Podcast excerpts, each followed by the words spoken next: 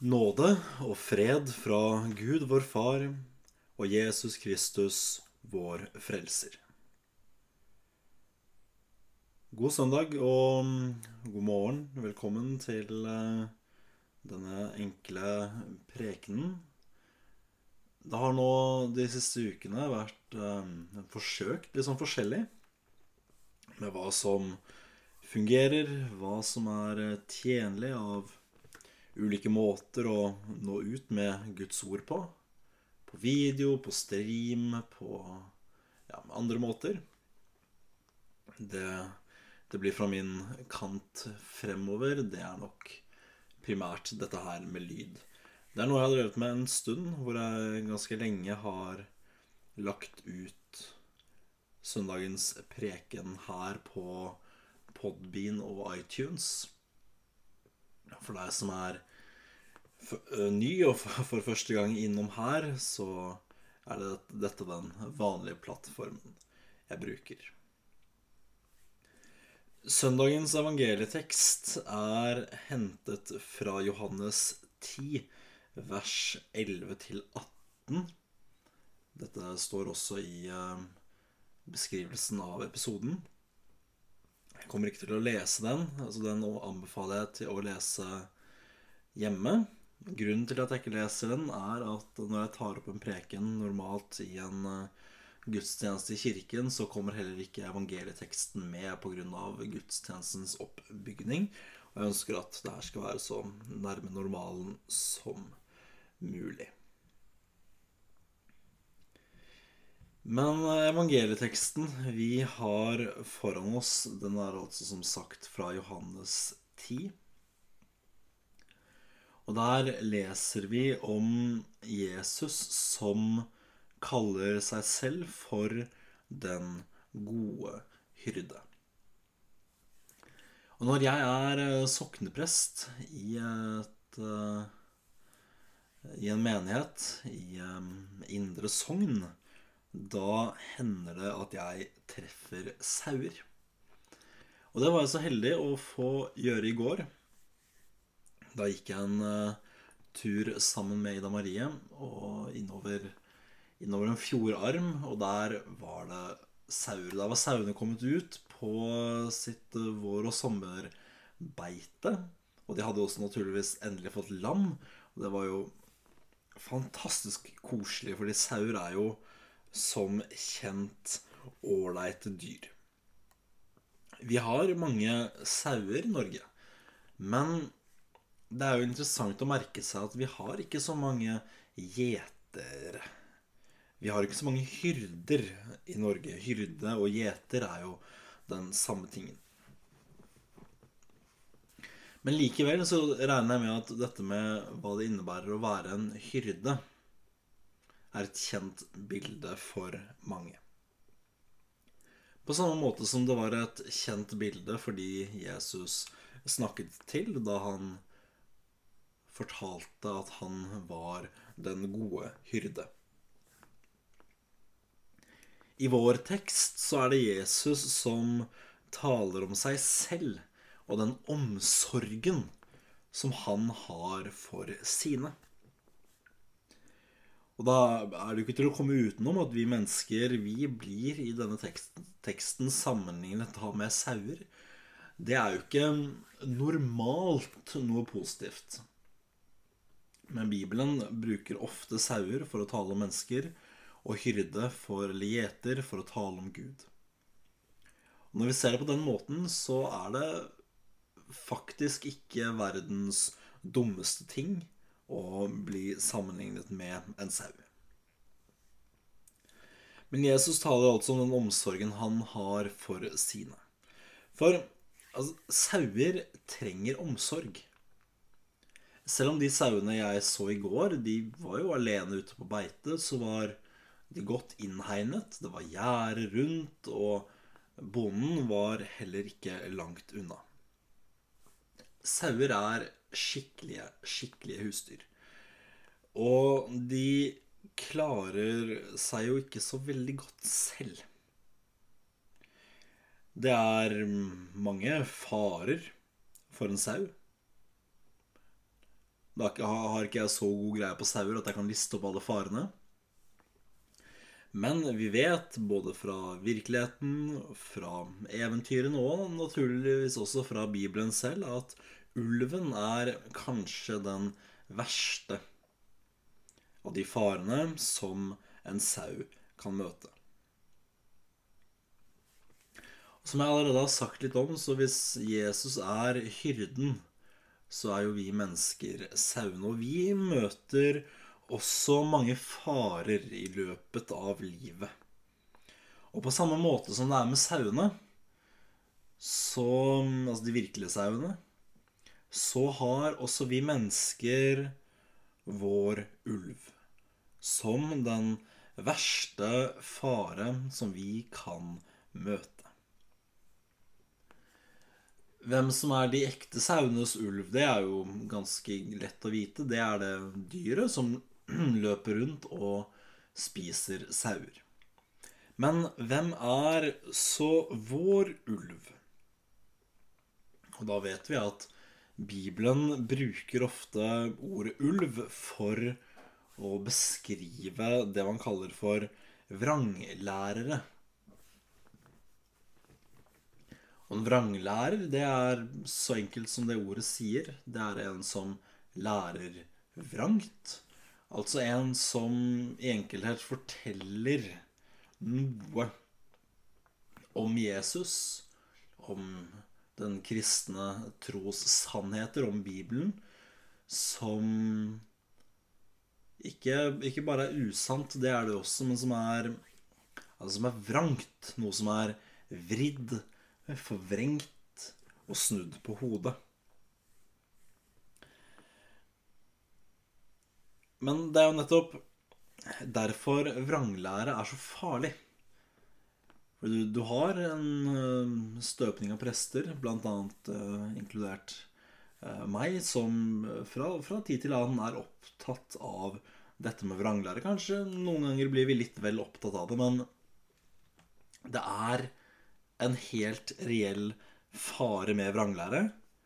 Fordi den er for sjelen. Den er for sjelen det en ulv er for sauen. Vranglære er alt som strider imot den sunne lære og det, og det sanne evangelium. Og altså, når noe strider imot den sunne lære, så er det en usunn lære. Og når, når noe strider imot det rene evangelium, da er det et urent eller et skittent evangelium, eller ikke et evangelium i det hele tatt. Og det er alvorlig. Fordi vranglære har som en ekte ulv har muligheten til å drepe en sau, så har vranglære en stor og reell mulighet for å drepe sjelen. Men hva gjør Jesus i møte med alt som strider imot den sanne lære og det gode budskap? Er det sånn at når han ser at noe blir litt sånn forvaklet, så flykter han? Eller blir han stående? Holder han stand? Han blir naturligvis stående. Og det han så gjør, det er å gi sitt liv for å knuse dødens og djevelens makt. Og det at Jesus gjør dette, det viser og bekrefter at han er nettopp den han sier at han er. At Jesus er ingen lurendreier eller en, eh, en løgner. Men han er den han sier at han er. Han er den gode hyrde. Og det Jesus gjør for å vise at han er den gode hyrde, det er at han gir sitt liv for oss. Han dør for oss. Han gir bort livet sitt for oss, for oss mennesker, for sine åndelige sauer. Han gir dette livet for oss, og når vi tror på ham og holder oss til den evangeliske og apostoliske lære Evangelisk er naturligvis det som er i tråd med evangeliene. Og apostolisk er det som er i tråd med det apostlene, altså de aller første kristne, lærte. Da trenger vi ikke frykte for ulven.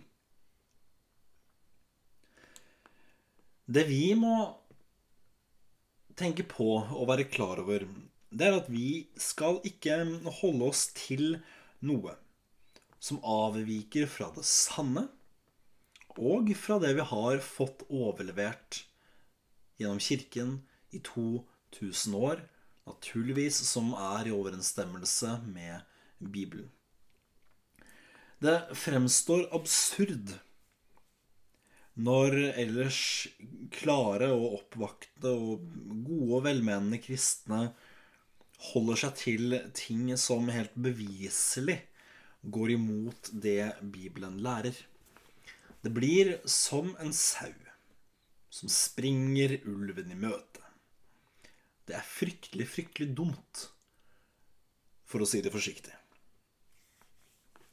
Nei, vi skal holde oss borte fra alt det som avviker fra det vi har fått overlevert. Og vi må vokte oss for noe som sier at Kirken har tatt feil siden begynnelsen. Og nå har vi funnet sannheten. Du har flere som tenker sånn. Gjerne at Kirken falt fra i generasjonen etter apostlene og har vært vranglærende fram til i dag. Det er et ganske stort problem eller at sentrale sannheter gikk tapt helt, helt tidlig. Og så gjenvant man dem først i 1905. Dette er veldig interessante tanker, naturligvis som er helt gale. Men vi skal passe oss for dette. Fordi vi tror jo naturligvis at Den hellige ånd har beskyttet Kirken. Det er ikke for å si at det ikke har vært vranglære og ting som er usunt i kirken i løpet av 2000 år. Det har det jo naturligvis vært. Og det var det godt og nødvendig å ta et oppgjør med under reformasjonen. Men kirken falt ikke fra i det første århundret, rett etter apostlene. Og man gjenvant heller ikke alt i, på starten av 1900-tallet. Så dersom noen kommer til deg og sier at det første som skjedde etter at apostlene gikk bort, var at kirken falt fra og ble, ble vranglærende Og min, min profet, min, min sekt, min, eh, min pastor og min lærer, han gjenoppdaget alt som hadde gått galt. 1970, eller når det måtte være. Dersom man møter noen sånne, så skal man fly fra dem, for disse er ulver. Men hva skal man da gjøre? Hva skal man da gjøre for å unngå dette? Jo, vi skal i ett og alt lytte etter Jesu stemme. Vi skal og vi må lytte etter stemmen til Jesus, han som er vår gjeter, og han som vil lede oss, fordi vi er hans. Og hvis vi er hans, så er han vår. Og Det er faktisk ganske fint å tenke på. At vi hører til Jesus, og Jesus hører til oss. Og dersom det er sånn at han er vår, så kjenner vi hans stemme. Vi kan høre på alle de stemmer som roper til oss gjennom alt det måtte være av medier og, og andre ting. Og vi kan, siden vi hører Jesus til, høre hva som er Jesus' stemme, og hva som er ikke. Da kan vi klart høre hva som er av Jesus, og hva som er av det onde. Dette er faktisk ganske viktig, for det er vår store trøst og det beste budskapet i verden at Jesus Kristus vil kjennes ved oss, og at vi er hans. Han har frelst oss med sitt dyre blod og sin uskyldige lidelse og død. Han har knust dødens makt ved sin oppstandelse. Han gir oss når vi tror, tror på ham syndenes forlatelse. Når vi er syndere, så jager han oss ikke bort. Han sier ikke 'Jeg vil ikke vite av deg'. Men han sier 'Fatt mot, kjære barn, dine syndere er tilgitt'. Tro på Gud og tro på meg. Vi hører til Jesus, og da må vi høre hans stemme, og vi må følge den. Vi kan ikke la oss avlede av noe som forsøker å lokke oss bort. Ulven i våre dager er lur. Han prøver å lokke oss bort med milde og forlokkende ord. Noen ganger sier kanskje til og med ulven 'Ja, bare kom, det er jeg som er Jesus'. Det er jo ikke sant. Nøkkelen her er å alltid øve seg i hva som er Jesus' stemme. Vi må ha klart for oss hva som er evangeliet. Nåde, nåde, bare nåde, omvendelse, syndenes forlatelse. Alt sammen for Jesu Kristi skyld. Er dette budskapet, så er det Jesu stemme. Og så vil Jesus også med sin stemme samle om seg alle sine sauer til én flokk. Det er faktisk et, faktisk et interessant poeng fra dagens tekst. Når Jesus taler som han gjør, om at han har flere sauer, så viser det til at det er ikke bare jødene som hører til hans folk, men det er også de som blir kalt hedninger. Og hedninger på den tiden, det var jo ikke det samme som det er i dag. Nå bruker vi eh, ordet hedning og ser kanskje for oss et steinaldermenneske som um, tilber en um, kvist eller, eller, andre ting. Eller for så vidt også vår egen uh, religiøse fortid her i Norden, da vi trodde på um, Thor, Odin og slike ting. Men enkelt forklart så er en hedning um, bare en som ikke var jøde. Og disse som ikke er jøder, de ble før regnet utenfor, men skal nå regnes innenfor. For dette her er en ny tid. For nå skal evangeliet forkynnes til alle mennesker, og det tenker jeg at vi skal være bra glade for her oppe. For dersom evangeliet ikke hadde kommet hit, så hadde vi vel kanskje fremdeles trodd på våre hedenske guder. Og i dem er det verken frelse eller rettferdiggjørelse, for i Kristus alene finnes den frelsen vi som syndere så sårt trenger. Og dette er en frelse vi som Guds barn har. Vi kan være sikre på at vi er frelste. Og vi kan tro det nettopp fordi Jesus Kristus er den han sa han var. Han er i sannhet Guds sønn. Det viser hele påskebudskapet som vi står så godt plantet i nå. Han er Gud. Og det viser seg også i at han har makt til å gi sitt liv, som han sier. Og det har vel, det har vel alle. Jeg har også på mange måter makt, naturligvis ikke rett alltid, til å gi mitt liv. Dersom det skulle være behov for det på noen måte. Man kan gå i døden for andre, man kan ofre seg for andre. Men Jesus han gir sitt liv ikke bare for én eller, en eller noen. Jesus gir sitt liv for mange. Men det stopper heller ikke der. For der hvis jeg hadde gitt mitt liv, så hadde jeg kanskje gått over i evigheten, men jeg hadde ikke hatt makt til å ta det tilbake. Men det har Jesus. Fordi Jesus er sann Gud og sant menneske, og han har da makt til å ta sitt liv tilbake. Og når han gjør det, så knuser han en gang for alle dødens og djevelens lenker. Ære være Faderen og Sønnen og Den hellige ånd, som var, er og blir en sann Gud fra evighet og til evighet. Amen.